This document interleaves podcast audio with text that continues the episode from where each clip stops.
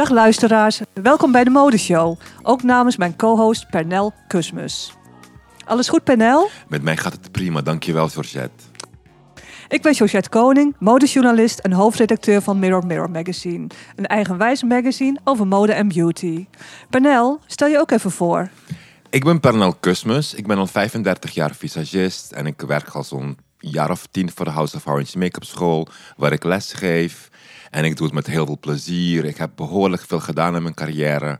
Maar waarschijnlijk te veel om even te vertellen, Georgette. Dus waarschijnlijk komen we er later nog even op terug. Wat ik allemaal heb gedaan, toch? Ja, ja wat ook bijzonder is, je, je bent verzamelaar van uh, parfums, maar dan met een kristallen stop. Ik verzamel al sinds mijn negentiende parfumflessen. Ik heb die manie van mijn vader overgenomen, die altijd geparfumeerd rondliep.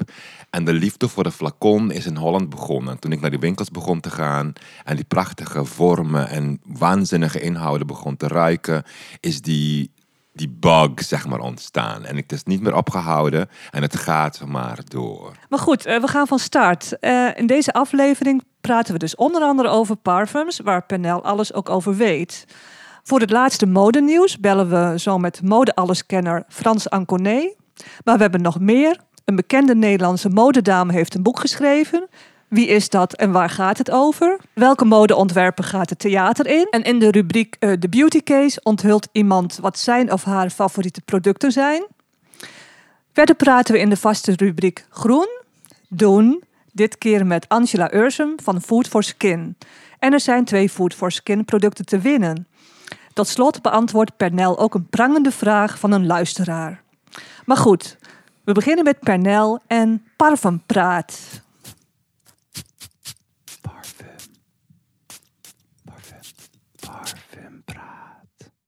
Goed, Pernel, uh, je gaat nu live een aantal parfums uh, blind ruiken. Uh, ben je er klaar voor? Ik ben benieuwd wat je hebt uitgezocht, Verzet. Goed, ik pak een parfum uit een doosje. Pernel die ziet niks. Uh, ik heb mijn ogen dicht. Ik heb mijn ogen dicht.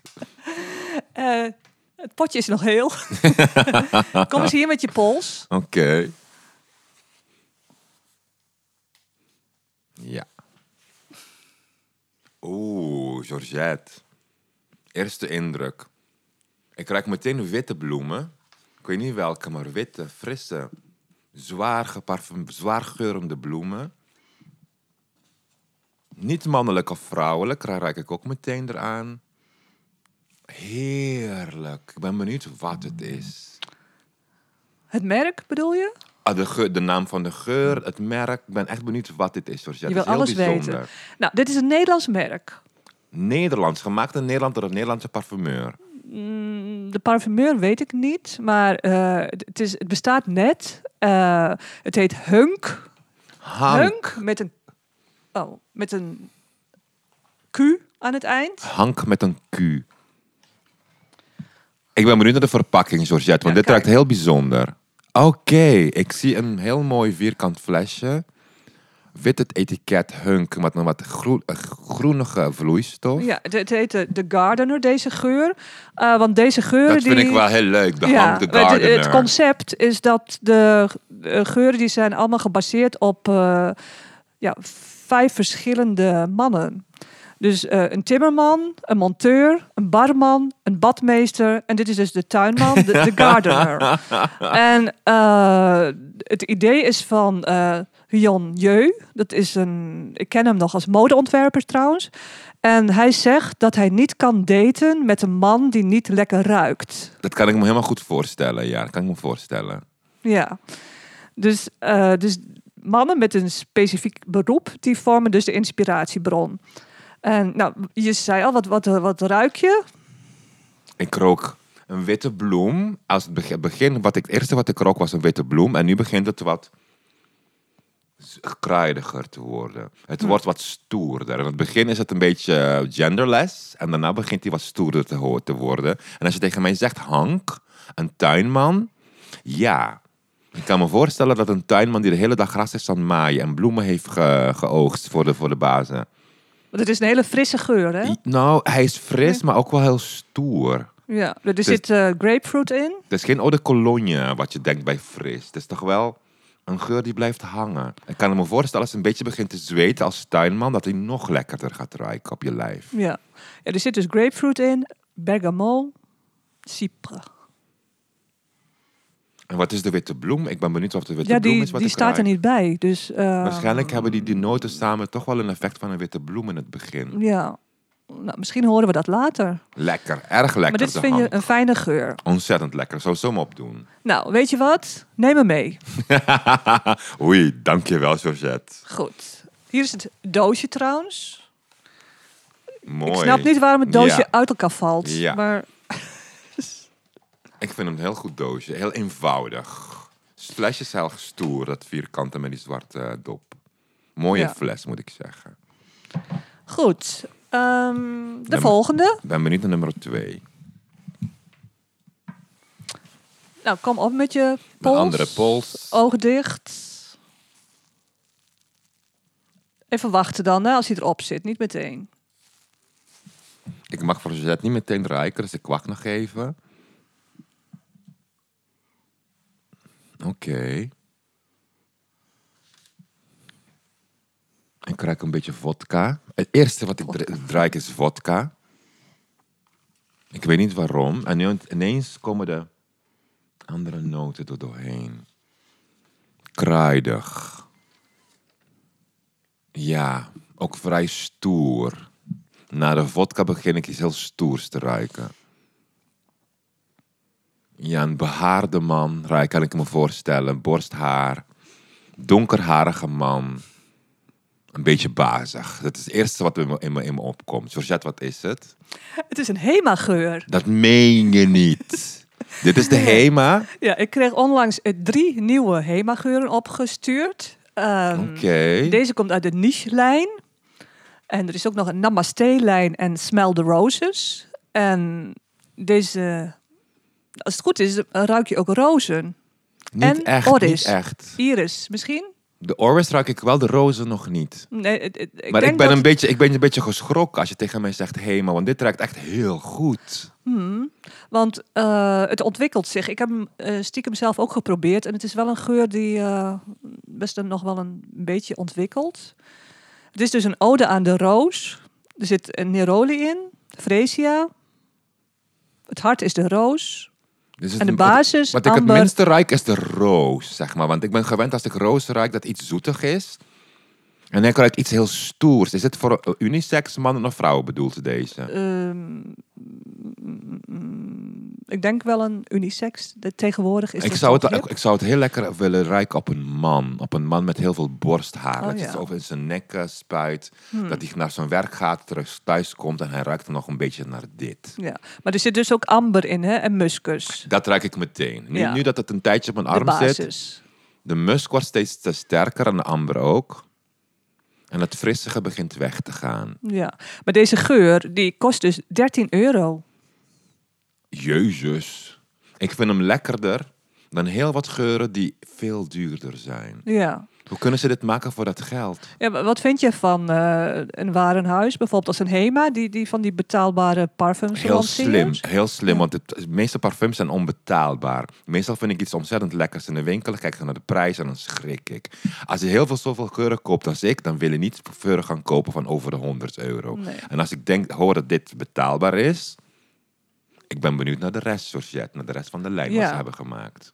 Nou, misschien doen we die de volgende keer. Ik laat even het, het, eh, de flacon zien, maar die lijkt ergens op, hè? Ja, mag ik het zeggen waar het op Ja, dat lijkt? mag, ja. Ik zie meteen bij Redo. Meteen. Ja, maar de, de dop is een eh, Armani-dop. De dop is Armani en het flesje is bij Redo. Dat vind ik dan wel jammer. Dat vind ik ook jammer. De ja. Hema is zo'n eh, icoon in Holland. Doe dan iets aparts. Ja. We hebben zulke goede ontwerpers in Nederland. Laat de Nederlandse ontwerper een mooie fles voor je ontwerpen. ja, maar misschien wordt die dan weer heel duur. Maar dit is zo eenvoudig. Maar het, ieder parfumeur, ieder parfumkenner herkent bij Redo. En je herkent Armani Privé, de dop. Vind ik Precies. jammer. Ik Ja. had liever iets typisch Hema gezien. Waarom niet de vorm van een bokworst? Waarom niet die vorm, die iconische vorm van de Hema en dan gewoon van kristaal en met een ander soort dop. Maak Ja. het echt Hollands, maak het echt Hema. Dit er ik zijn nog jammer. twee andere geuren. Die, In die- dezelfde die- verpakking? Nee, die hebben een andere verpakking, onder andere met een houten dop. Dus die, die zien er ook wat eenvoudiger uit. Maar misschien komen die volgende keer aan bod. Maar de geur vind ik waanzinnig goed. De fles en de presentatie vind ik iets jammer. Dan, Goed. ja, vind ik jammer. Maar de geur, Ja, ontzettend lekker, Georgette. nou neem hem ook mee. Ik, ik- jongens, ik word hier verwend. Ja. Nou, dank Pernel. Georgette, dankjewel voor de geuren. Ik ga gewoon eh, wel riekend naar huis dadelijk. Het is alweer tijd voor ons modetelefoontje met onze vaste gast, stylist en modeconsulent Frans Anconé.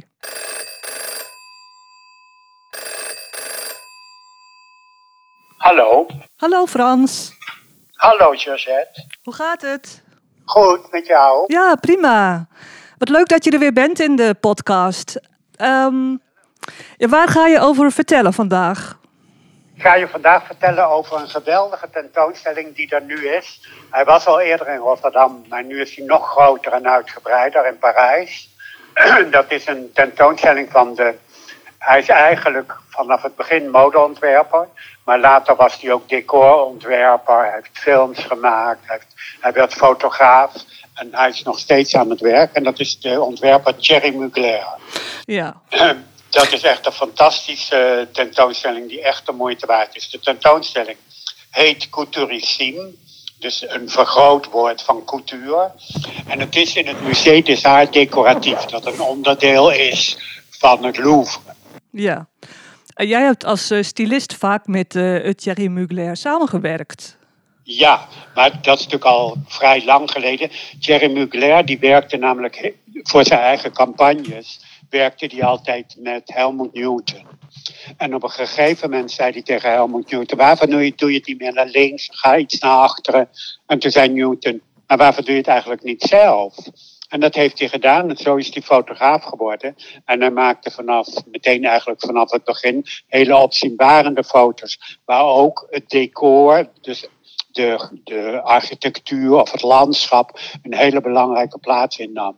En soms waren die, die shoots ook best wel gevaarlijk. Ja, Nu zou je het allemaal kunnen faken met de computer, maar ja, toen moest gewoon alles echt. Dus ik kan me bijvoorbeeld herinneren, wij gingen naar New York en daar fotografeerden we bovenop alle wolkenkrabbers. En daar fotografeerden we op het Chrysler Building, wat een, een van de hoogste gebouwen van New York is. En daar zitten op de 60ste etage, op iedere hoek, zitten er hele grote adelaars die buiten het gebouw hangen ja, daar, daar werd het model op gezet. Dat is al verschrikkelijk. Want, maar dan moet je ook nog voorstellen dat er wind is, dat het metaal is. Dus het is glad. Het is ook niet helemaal plat. Ik kan me herinneren dat we een stuntvrouw hadden en die keek ernaar en die zei: Nou, dank u wel hoor, dat ga ik niet doen. Maar we hadden een model en die, die zei: Maar ik wel. Maar dan moet je je voorstellen, stonden ze ook nog op hoge hakken. En dan had ik wel een touw in hun taille gebouw, ge- gebonden. En dan hing ik zo'n beetje over de rand. Maar ja, als zij was gegaan, dan was ik ook gegaan. ja, ja. Dus eh, eh, dat soort foto's zijn eh, onder andere te zien op de expositie. Maar, ehm, maar wat is het Thierry Mugler voor man eigenlijk? Want, want je hebt met hem gewerkt. Thierry was, die, hij was heel erg avontuurlijk. En zijn interesse ging naar pin-ups, naar, ehm, hoe heet het, getekende, getekende boeken. Hoe heet, kan niet op de naam komen. Eh, strips? strips, strips en eh, heel erg eh, glamorous uit Hollywood. Dus zijn, zijn shows waren. Hij was echt de allereerste die een show geeft, ook voor het publiek met meer dan duizend. Meer dan 1500 mensen. Dat was toen nog helemaal niet gebruikelijk. Dus, en zijn co- collecties waren hyper, hyper vrouwelijk. Dus je moet je voorstellen, heel strak getailleerde tailleurs. Maar ook ehm, hele geweldige avondjurken. Op een gegeven moment werd het bijna een beetje Hollywood. Ja. En eh, wat, kun je ook uitleggen wat Mugler in zijn gloriedagen zo bijzonder maakte als ontwerper in vergelijking tot andere ontwerpers? Nou ja, ten eerste was hij een van de eerste die met zo'n heel erg hourglass silhouet begon. Zo'n zandloper silhouet. Dus brede schouders ultieme smalle taille. en dat deed, dat deed hij in alles. En het was ook sexy. Maar hij gebruikte, gebruikte ook al robotachtige onderdelen om die in kleren te verwerken. Voor een bustier bijvoorbeeld. en ja, hij, hij, probeerde van alles uit. Hij was ook een van de eerste die met latex ging werken. Dus hij was echt wel zijn tijd vooruit. En het waren ook echt shows die uh, door iedereen gezien wilden worden. Dus het was echt uh, niet erg makkelijk om er binnen te komen. Het is een enorme grote tentoonstelling, hè? of uh, twee etages. Ja, het is echt een grote tentoonstelling. En je ziet er heel veel kleren. Je ziet er heel veel uit die glamour, uit zijn glamourperiode. Je ziet er ook foto's en er is één zaal die is geweldig. Er zijn alle uh, tailleurs, dus echt van die zandlopertailleurs met zwart-wit hoeden. is alles in zwart-wit. Dat is ja. indrukwekkend. Het, het merk bestaat nog. Uh, heb je daar ook een mening over? Volg je dat nog? Ja, ik volg het wel, maar ik vind ja, het is, dat is natuurlijk heel moeilijk voor een, een jonge ontwerper om zo'n um, collectie te maken van, een, van eigenlijk een, een merk dat al heel lang een beetje toch weg is. En dan, ja, je kunt het niet exact namaken, je kunt, want dan is het oud. Dus je moet de weg vinden. Ze hebben al een paar verschillende ontwerpers gehad, maar tot nu toe is dat nog niet heel erg goed geworden. Nee, ik heb zin in de expositie. Dus, uh... Ik zou zeker gaan. Is absoluut de moeite waard. Ja. ja, we gaan er allemaal naartoe. nou, uh, heel erg dank. Ik ga ook nog wel een keer. Ja, heel veel dank en uh, tot de volgende keer. Dag. Ja, dag.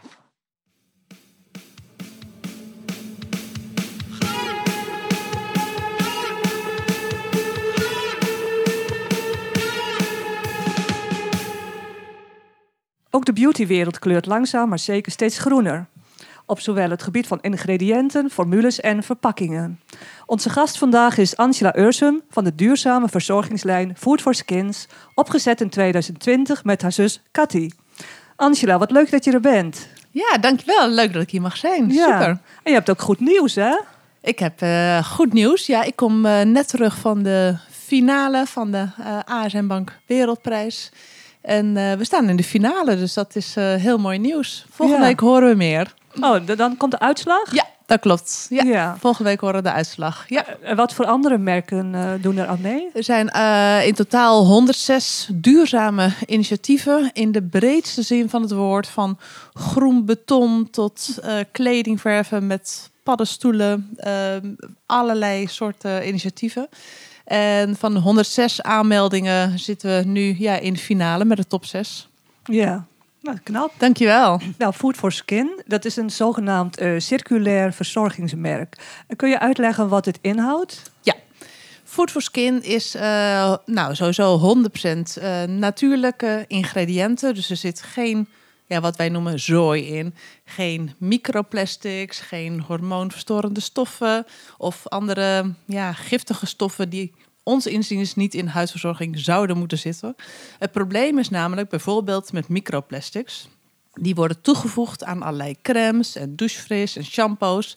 Maar s'avonds, als je onder de douche gaat staan, verdwijnen die hele kleine deeltjes plastic via het doucheputje in de zeeën, vervolgens in de oceanen, in de vissen. Oftewel, het vervuilt het hele ecosysteem.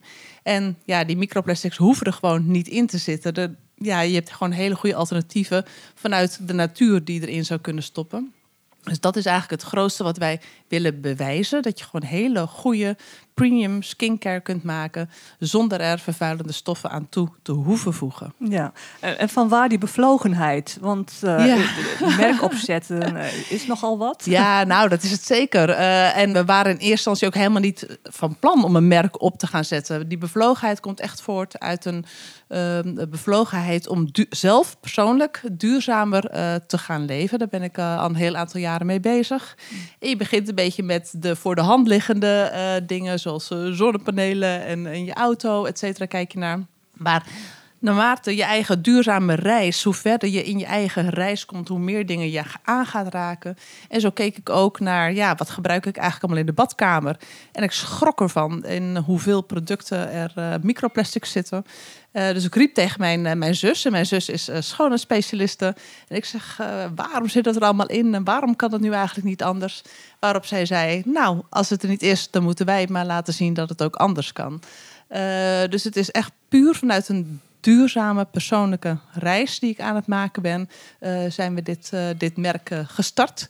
Het voordeel is wel dat ik zelf al meerdere merken heb mogen ja, bouwen uh, bij, bij grotere en kleine bedrijven. Dus ik weet uh, dat uh, gedeelte weet ik goed hoe ik op moet zetten. En mijn zus. Maar dat waren geen duurzame merken. Dat waren nee, nee, behalve nou Tony Chocolonely als het laatste merk waar ik gewerkt heb. Hmm. dus daar neem ik ook ongelooflijk veel learnings uit mee. Hoe Tony Chocolonely dat, dat gedaan heeft, heb ik veel van geleerd. Ja. en daar, ja, daar ook wel een voorbeeld aan genomen over hoe het ook anders kan. En met Food for Skin willen we met name bewijzen dat het wel kan, dat het gewoon heel goed mogelijk is. Uh, en daar dat ook graag samen met andere merken, met andere partners, met de Plastic Soup Foundation ook campagne gaan voeren om meer mensen hiervan bewust te maken. Ja. Wat is dan de grootste uitdaging? De grootste uitdaging voor Food for Skin is, nou, ligt op meerdere vlakken. Um, zoals je kijkt op het uh, productgebied. Uh, als je echt gebruik wilt maken van zoveel mogelijk ingrediënten verkregen vanuit upcycling, dus vanuit reststromen, is dat nog best ingewikkeld. Bijvoorbeeld dat hele logistieke deel bestaat nog niet in Nederland. Dus we halen het nu nog uit het buitenland, met name uit Italië vandaan. Uh, maar een uitdaging voor ons is om dat zo lokaal mogelijk te gaan halen. Dus we zijn voornemens om in 2022 uh, die hele supply chain in Nederland op te gaan zetten met Nederlandse groenten en mm. Nederlandse reststromen. Nou, dat is bijvoorbeeld op productgebied een, eh, een uitdaging.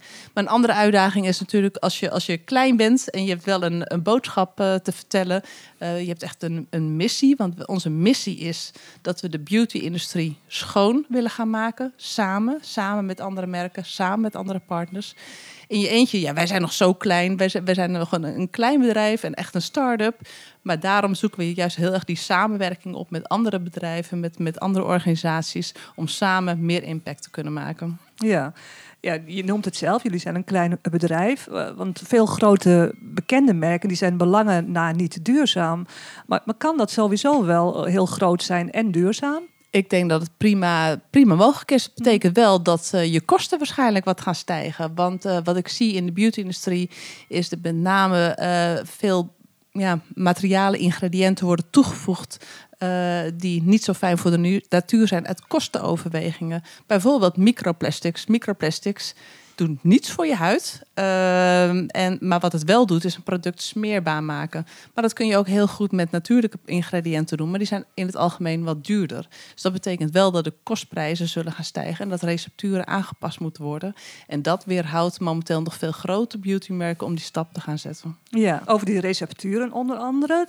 Um de, het serum. Hè? Er zit ja. komkommer in. Als je eraan ruikt, dan ruik je ook echt komkommer. Dat klopt. Daar zijn ook geen uh, echte uh, geurstoffen aan, aan, Er zijn geen geurstoffen aan toegevoegd. Het, uh, het serum, het komkommerserum, ruikt zoals het ruikt wat erin in zit. En dat is 50% inderdaad komkommerzaadolie, aangevuld met nog een aantal andere mooie verzorgende oliën.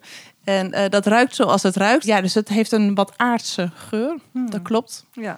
Ja, ik zit hier uh, met Pernel, mijn co-host. En uh, we hebben natuurlijk overal aan gesnuffeld. En de cleanser is het toch? Uh, ja, met de wortel. wortel. Die ja. ruikt wel hemels. Ehm, Pernel, vond jij dat ook? Ik vond hem ontzettend lekker ruiken. Ik vroeg me af wat, er, wat, wat die geur is, wat ik rook. Ja, de, bij, de, bij de cleanser en bij de, bij de crème is, is wel een klein beetje etherische olie toegevoegd. Mm. Om daar wel een beetje geur aan te geven.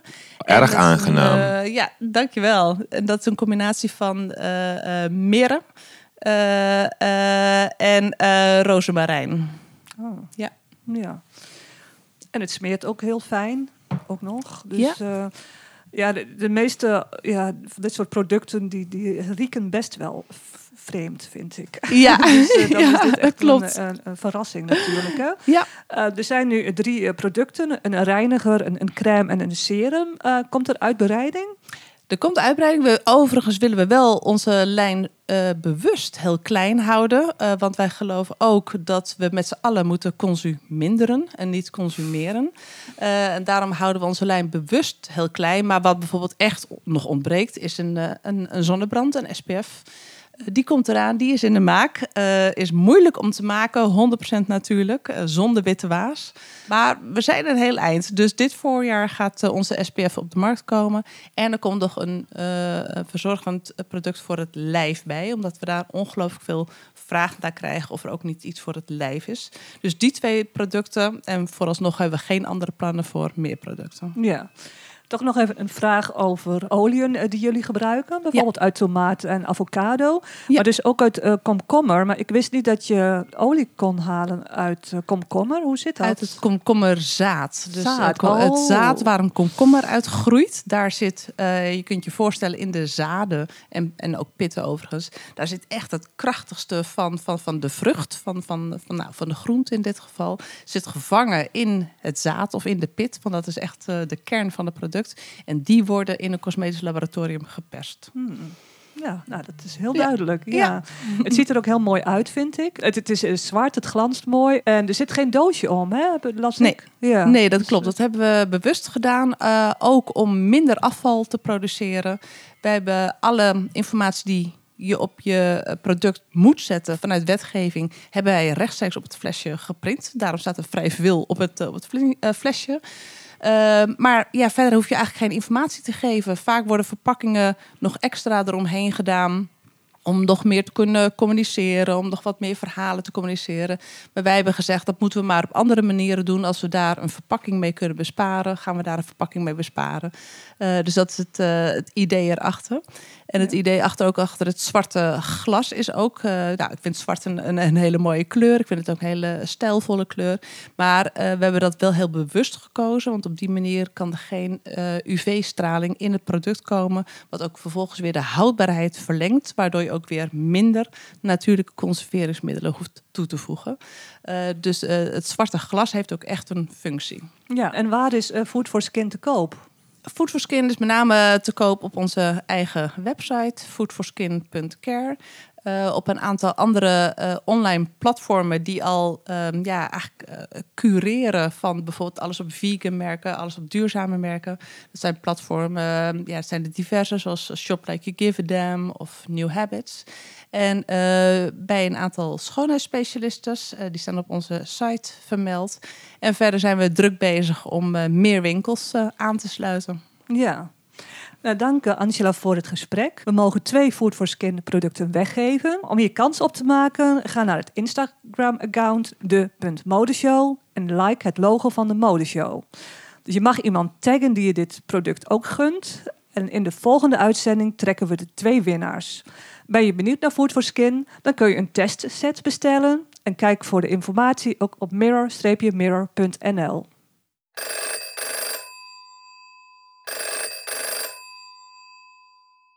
Diensten. Hallo Kiki. Hi, Suzette. Hallo. Alles goed? Hi.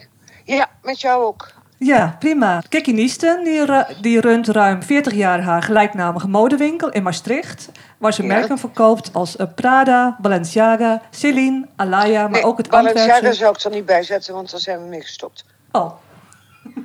ja, maar ook het Antwerpse merk Bernadette. Ja, maar dat is een mini, mini klein merkje. Hè. Onlangs bracht eh, Kiki eh, een bundel uit eh, met de titel Kiki ziet. Wat jij niet ziet. Dat is de ondertitel. Ja. Ehm, om meteen met de deur in huis te vallen. wat bracht je op deze titel?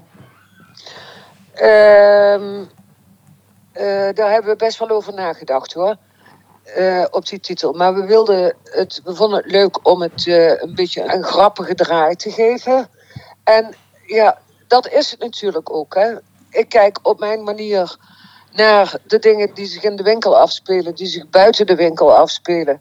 En ja, eh, dat is het. Ik bedoel, ik ben geen. ehm, geen wetenschapper, ik ben geen journalist. Ik ben gewoon een klerenverkoopster die op een gegeven moment door Zuiderlucht gevraagd is om columns te schrijven. Ja, en dat, de, de- we vonden een leuke titel. Ja. Het is trouwens ook niet ik werk heel veel samen met Erik Wong. Dat is eh, een grafisch ontwerper die ook het boekje heeft gemaakt. En al pratende zijn we, zijn we samen op die titel gekomen. En in het eerste stukje, dat heet eh, De Winkel, eh, schrijf je dat je vroeger met je moeder vaak etalages keek. En Ja. ook dat je een hele modieuze moeder had. En Ja. dat je heel veel van haar, van haar hebt geleerd. Ja. Wat heb je van haar geleerd? ik heb onderscheid leren maken tussen wat mooi en niet mooi is. En dat, dat, dat het gaat niet alleen over materiële dingen, dat gaat ook over immateriële dingen. Eh, de, de, de esthetiek van het leven heeft zij mij heel goed bijgebracht. Ja. En in, dat, in datzelfde stukje maak je ook wel druk over hoe weinig zorg er in Nederland wordt besteed aan eh, etalages. Hè? Ja, Eh, Wat is het geheim van een doeltreffende etalage? nou om te beginnen moet het er, moet het er verzorgd uitzien. Hè. Spullen worden vaak, zoals het uit de doos gepakt wordt, wordt het in een etalage op een slordige manier gehangen. Wij vinden altijd heel belangrijk dat, dat iets er piekfijn uitziet, dat het, eh, ja, dat het gestreken is, geen foute plooi meer heeft, geen losse knoop heeft, noem maar op. Geen prijskaartjes eraan hangen. En dat er een soort styling plaatsgevonden heeft. Dat, dat wat in een etalage komt, dat het ook een geheel is. Dat, dat, eh, dat de outfit bij elkaar past met schoenen en tas enzovoorts.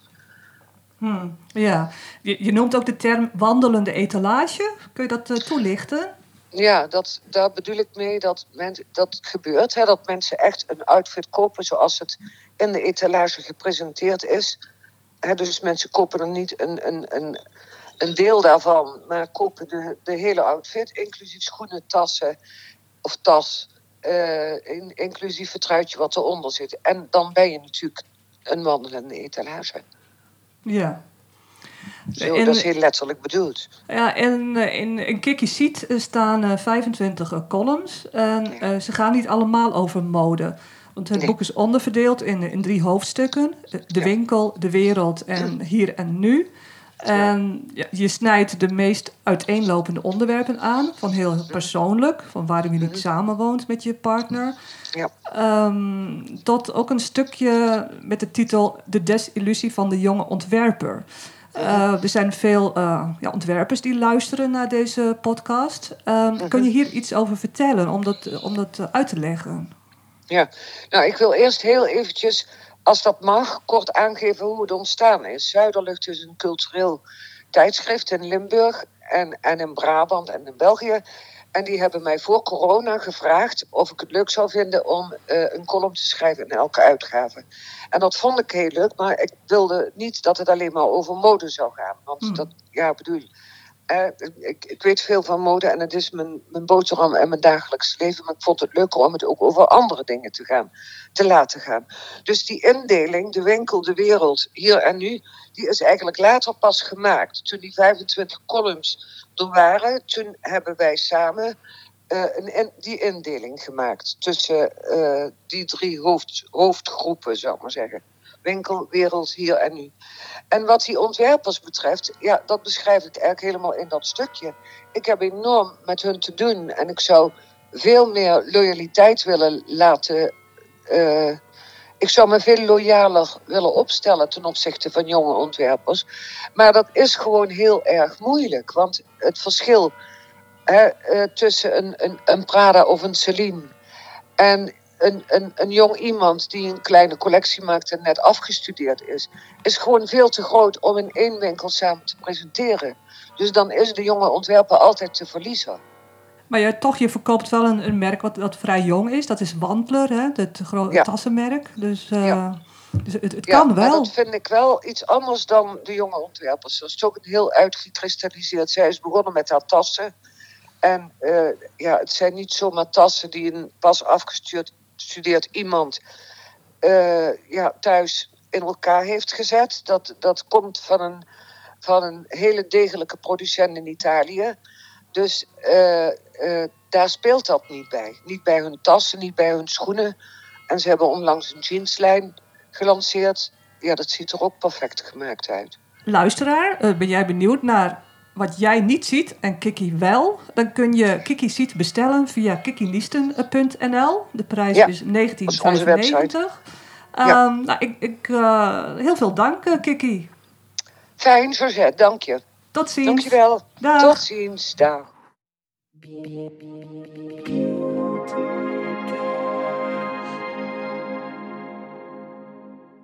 Deze terugkerende rubriek toont een gast de inhoud van zijn of haar make-up etui.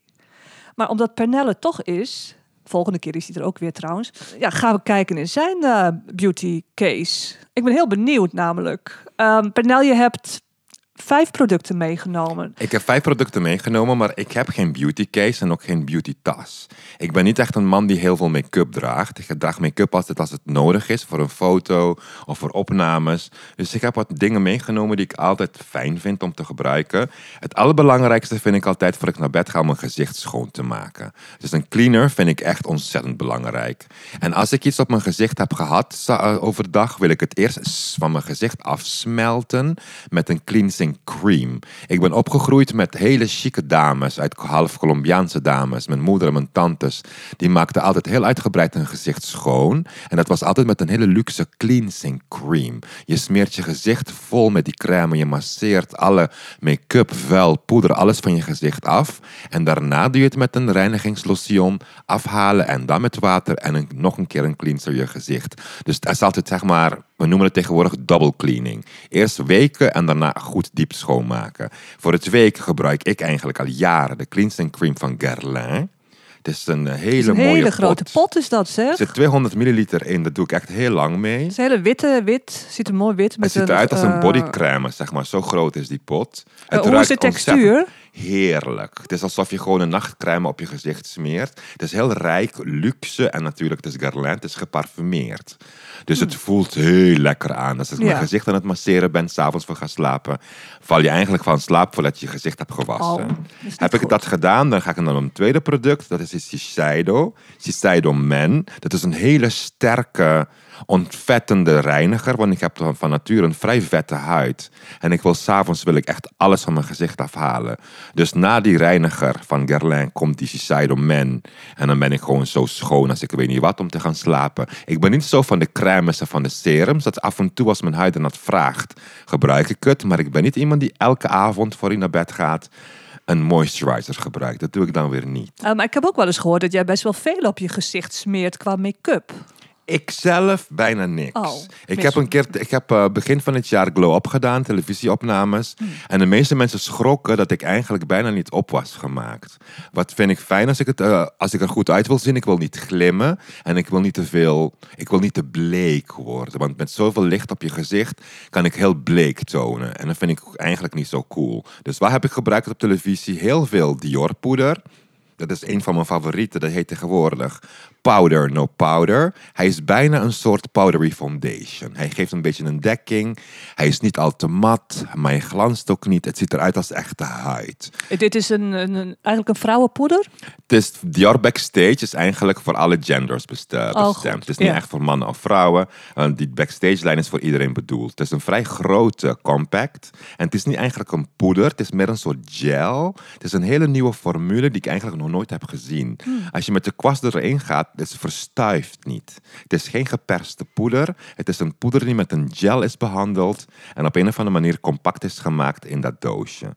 Waanzinnige dekking, perfecte huidskleur. Als ik het opdoe, zie ik er heel goed uit. Maar je ziet niet dat ik op ben gemaakt. Oh. En omdat ik vind dat ik te bleek word op televisie, heb ik een bronzer van Gucci. De allerdonkerste die ze hebben. Mijn kleur is dan nummer 2. Ik zag die verpakking Georgette en ik was meteen verkocht. Ja, die is prachtig. Het ja. is zo luxe. Ze geeft echt zo'n jaren 50 klassieke. Ik zie dat hij ook al bijna, Hij is al op. bijna De op. bodem is al in zicht. Ik heb, ik heb Ja. I hit pans, zeggen ze in het Engels. Ik kan het zilver kan je al zien.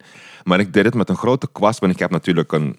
Ik heb niet zoveel haar meer op mijn hoofd. Ik ben bijna kaal geschoren. Dus met die grote kwast ging ik over mijn hoofd. Want die camera die draaide overal. Dus ik wilde niet een gebronzen gezicht hebben. En een witte achterkant van mijn hoofd. Dus ik heb hem flink gebruikt. Er zit een klein beetje een schittering in. Maar hij is ontzettend mooi. Ja. Hij ziet eruit alsof ik echt, zeg maar, drie weken op Aruba heb gelegen en niks heb gedaan. Ja. Prachtige Gucci bronzer. En, eh, nog even naar dit Dior. Zijn er veel tinten van eh Dior heeft volgens mij 10 of 11 tinten poeder. heel- Van de allerbleekste meisje die zeg maar bijna geen kleur heeft, tot de allerdiepste Afrikaanse vrouw kan een kleur vinden van powder no powder bij Dior. Echt hele fijne poeder. Ja. Nou, dat is een... Dat zijn eh, er vier. Ik, ik, ja, zegt, ik heb er nog ja, één. nummer vijf. Nummer dat vijf. is... Ta, ta, ta, ta. Dat is doodgewoon en doodordinair de klassieke Criolan. De klassieke Criolan No Shine Moet je Powder. even uitleggen misschien, eh, iets vertellen over dat merk? Criolan is een van de oudste theatermerken. Die is ontstaan in Berlijn. Ze maken al make-up sinds 1910, denk ik, zo lang geleden. Het is eigenlijk voor theater, televisie en film bedoeld. Maar omdat die poeder zo ontzettend droog is en zo mat, er komt nooit een glans of een vochtdeeltje doorheen. Die gebruik ik dan op het midden van mijn gezicht. Want tussen mijn wenkbrauwen, mijn neus en mijn kin en mijn wangen kan ik ontzettend glimmen. Dus over mijn Dior poeder deed ik dit om het glimmen op te houden. En dat was het, Georgette. Meer make-up gebruik ik niet. Misschien een beetje een crème op mijn lip tegen droge lippen. Een borstel door mijn wenkbrauw om die poeder eruit te halen. En that's it. Ik gebruik niks vloeibaars of niks met een rode tint. Geen blush, geen oogschaduw, geen potlood. Dat soort dingen vind ik bij mezelf eigenlijk niet zo mooi staan. Waarschijnlijk omdat ik al zo lang visagist ben. Ik wil zelf niks op mijn gezicht hebben.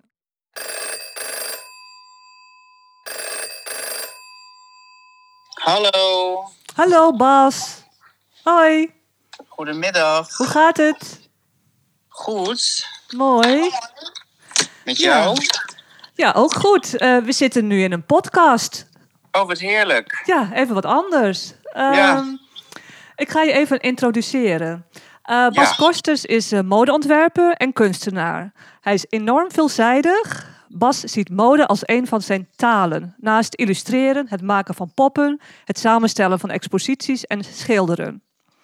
En Bas is bij een breed publiek eh, bekend door verschillende uiteenlopende samenwerkingen, van heel commercieel tot meer geëngageerd.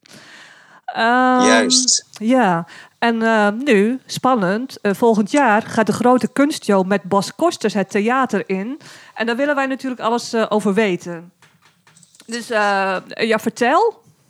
Ja, hoe leuk en bijzonder is dat? Een grote kunstshow alleen maar over mijn werk. Ja, Ja. ja, ik vond het ook wel heel bijzonder toen ik een mailtje kreeg van Johan, de bedenker van de grote kunstshow, Johan Idema. En ehm, ja, toen hij mij dat vroeg, dan had ik wel, wist ik eigenlijk even niet zo goed wat ik er nou mee aan moest. Maar ik was ook wel getriggerd. En eh, uiteindelijk ben ik toch wel blij dat ik ja heb gezegd. Het zou eigenlijk in eh, 2020 al plaatsvinden. Maar ja, er is natuurlijk eh, het een en ander gebeurd in onze omgeving. Dus nu eh, staat het eh, in de agenda voor 2022. Ja. Ja, want de, de, het concept, zeg maar, de grote kunstshow, dit, dat bestaat al een, een paar jaar. En dat Ja. is echt om het klassieke museummodel op zijn kop te zetten. Wat, wat kunnen we verwachten als we daar naartoe gaan? Nou, wat we eh, hebben gedaan is, eh, we hebben een selectie gemaakt van werken die we ehm, belangrijk vinden. Ehm, en eh, mijn wens is ook om vooral mijn autonome werken naar voren te plaatsen. Want dat is waar ik nu vooral mee bezig ben. Maar mijn modecollecties zijn natuurlijk wel een heel erg duidelijk onderdeel van mijn om het maar zo te zeggen. Dus er worden verschillende projecten uitgelicht. Zowel autonome werken als eh, modecollecties. En dat gebeurt op eigenlijk heel diverse manieren. Soms wordt er door een moderator eh, wordt een, een eh, kunstwerk uitgelicht. Ehm, voor sommige ehm, werken is een stuk geschreven. Dus, Eh, dus hoe moeten we dat ons voorstellen? We zitten in de zaal en er komt iemand die vertelt iets over jouw werk. Ja, we werken onder andere met een. eh, er, zijn, er is een, iemand die de hele show aan elkaar praat. Ja, Eh, dan zijn er een aantal acteurs en een aantal modellen. En dus in het geval van een modecollectie eh, is er daar bijvoorbeeld vanuit het verhaal wat ik daar ooit aan heb eh, gegeven. ehm, eh, een, ja, een inhoudelijk stuk geschreven. fictief. door, een, door een auteur. En dat wordt dan door die acteurs en die modellen uitgebeeld. Dus ja, eigenlijk zijn er allerlei verschillende manieren. Er wordt er volgens mij ook met video gewerkt. En mijn werk is natuurlijk sowieso heel vrij breed. Dus eh, ja, er zijn allerlei manieren waarop dat werk eh, eh, getoond wordt. Ja. Maar zelf doe je niet mee in, in persoon. Nou, kijk, eh, de show, dat is nog een beetje onduidelijk. Oh, misschien is er een, een pop-up appearance?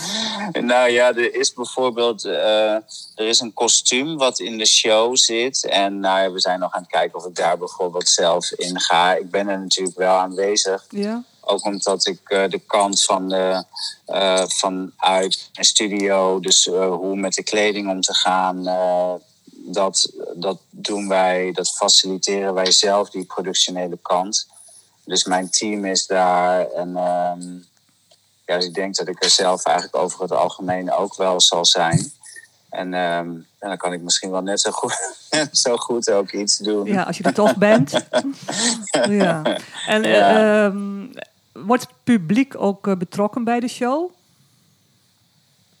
Nou, eh, ja, het, het is nog. eh, de- als er iets duidelijk is in deze wereld, is dat niks duidelijk is op het moment. Vorig jaar, eh, toen zaten we te kijken naar een veel kleinschaliger eh, scenario waarbij mensen op het podium zouden zitten en dus veel dichter bij het werk zouden komen.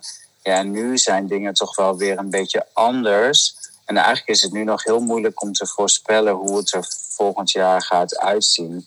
Ik denk dat mensen aan het eind nog wel even op het, op het podium de kunstwerken mogen bekijken als een soort eh eh, stuive zin moment. Ja, dat is voor de oudere luisteraars heel duidelijk.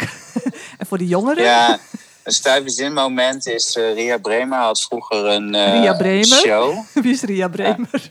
Ja, en ja. eh, dat, dat was een soort scholenwedstrijd waarbij scholen een werkstuk konden inleveren. En die, al die werkstukken die kwamen dan uit het plafond aan touwen uit het grid. En dan werden die, werd daar een kunstwerk uit, uitgekozen door het publiek. Ik kan me voorstellen dat, die, dat de werken die dus in de show zitten aan het eind nog weer eens naar beneden komen. Sommige dingen komen uit de lucht. En dat mensen dat dan nog even van dichtbij kunnen gaan bekijken. ja, dat is wel heel erg leuk. Ja, toch? Of een meet and greet misschien wel. Ja, ik sta Ja, overal voor open. Met handtekening. ja. Ja. Ja. De première van de Grote Kunstshow is op 12 maart 2022 en die reist door het hele land. En voor meer, Yes. ja, voor meer info, kijk op demodeshow.nl. Nou Bas, eh, dank voor eh, alle informatie. Eh, ik kijk er naar uit. Ja, graag gedaan. Leuk. Ben je er ook bij? Nou, ik hoop het wel. In Amsterdam dan. Ja, Ja, bij de ITA. Nou, Ja, wees leuk. welkom. ja. Nou, dank en tot ziens. Tot gauw. Dankjewel. Doei doei. Nou, Pernel, eh, tot slot gaan we door naar de vraag van de dag. We kregen een brandende vraag binnen van Anna Bakker. Ze had gelezen dat je Maxima hebt opgemaakt. En Anna's vraag is, en dat wil ik nou eigenlijk ook wel weten, welke producten heb jij gebruikt? Oh mijn hemel, Georgette. Dat ik, ik kan me het nog heel goed herinneren. Ik kan me elk product herinneren wat ik op Maxima heb gebruikt. Heb je even? Ja, zeker. Hebben ze zoveel nodig dan? Nee, maar ik kan me Oh. heel goed herinneren. Ik kan me, de, alle stappen kan ik me herinneren. Ik Eh, even, het was een, een fotoshoot eh, gedaan door ehm, Erwin Olaf. Klopt. Staatsportretten. Staatsportretten van Maxima. Voor de, en het, het kwam eind vroeger toen we het gedaan hebben, 2011, was het voor AD Magazine. En daarna is het naar de Spaanse Vanity Fair gegaan. En daarna heb ik hem echt overal gezien. Overal wat je Maxima tegenkomt met haar favoriete pareldiadeem. Dat is de foto die wij toen hebben gemaakt. Dus dat geeft ook aan dat ze, eh, Ze was er een heel van de blij mooiste mee. statieportretten zijn. Vind ik persoonlijk wel, ja. Ja. En waar zat hem dat in? Ook Erwin Olaf vooral? Erwin kan altijd iets uit iemand halen wat hij bij iemand anders niet lukt. Erwin die is altijd heel grappig. Hij begint met je grappen te maken. Hij maakt je heel erg op je gemak.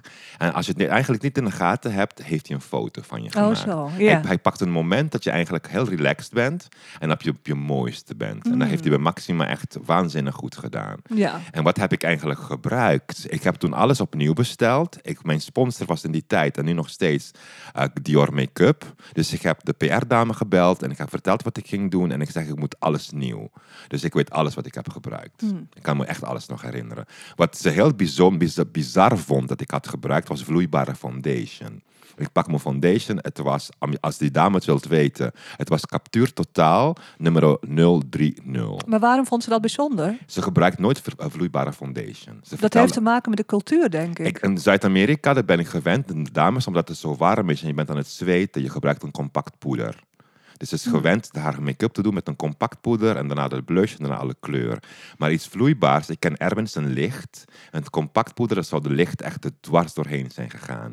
Dus ik heb iets meer dekking gebruikt met die Capture Total Foundation en daar schrok ze van. Toen ik met die Beauty Blender foundation ging aanbrengen, Ja, een beauty blender, even voor de mensen die niet is- weten wat het is. een beauty De blender is een make-up spons in de vorm van een ei. En de bekendste is die roze kleur. Die had ik toen Ja. eh, speciaal gekocht. Hij was helemaal nieuw. Nog nooit eerder gebruikt. Ik begin die beauty blender op haar gezicht aan te brengen. En ze schrok. Ze vroeg aan mij, wat is dat? Ik zeg, dat is foundation. Zij zei meteen tegen mij, dat gebruik ik niet. Ik zeg, vandaag wel. En ik deed boem, boem, boem. Oh, voordat, ze, oh, oh. voordat ze kon protesteren, staat de beauty, staat de foundation erop. Ik dacht van... En ze keek in de spiegel en ze vond het mooi. Gelukkig, anders had ik het er vanaf moeten halen. Ja. Want ik kan moeilijk tegen haar zeggen, jij moet. Je moet helemaal niks. Maar ze zag wel dat het mooier werd met de vloeibare foundation. Ik heb alleen maar Christian Dior gebruikt op haar die dag. Ja. En, en verder, ogen? Voor ogen? Ogen was een, eh, een, een couleur met alleen maar beige en gouden tinten. De highlight was een special edition van Dior. De lippenstift, dat was een heel probleem. Want Erwin wilde een knalrode lippenstift, maar dat mocht ik niet. Maxima wilde geen rode lippenstift. Dus ik wilde iets vernatuurlijks. Dus ik heb iets een beetje rood gedaan. Ik heb het er vanaf moeten halen om het natuurlijker te doen. Wij lopen met Maxima in vol ornaat naar, Mac- naar, eh, naar de studio waar Erwin stond. Het eerste wat Erwin tegen me zegt, Pernel, waarom zijn haar lippen niet rood? Toen heb ik gelukkig niet moeten antwoorden. Heeft ze zelf gezegd dat ze dat niet zo mooi vond. Oh, nou ja, als haar dat lippen is, te eh, rood Ja, dat kan ik me voorstellen. Als Ja, iemand zich niet op het gemak voelt. Vond, vond ze niet zo fijn, al die rode lippenstift. Maar het was een heerlijke ervaring met haar hoor. Ja. Ja, dat, dat bewijzen die foto's ook, die, die alsmaar weer... eh, Die blijven maar eh, gebruikt worden en iedereen vindt ze prachtig. Ja. Nou, Anna, ik hoop dat je vraag goed beantwoord is. Heb je ook een brandende vraag? Of een vraag over deze podcast? Of over Mirror Mirror Magazine? Stuur een mail naar georgette.mirror-mirror.nl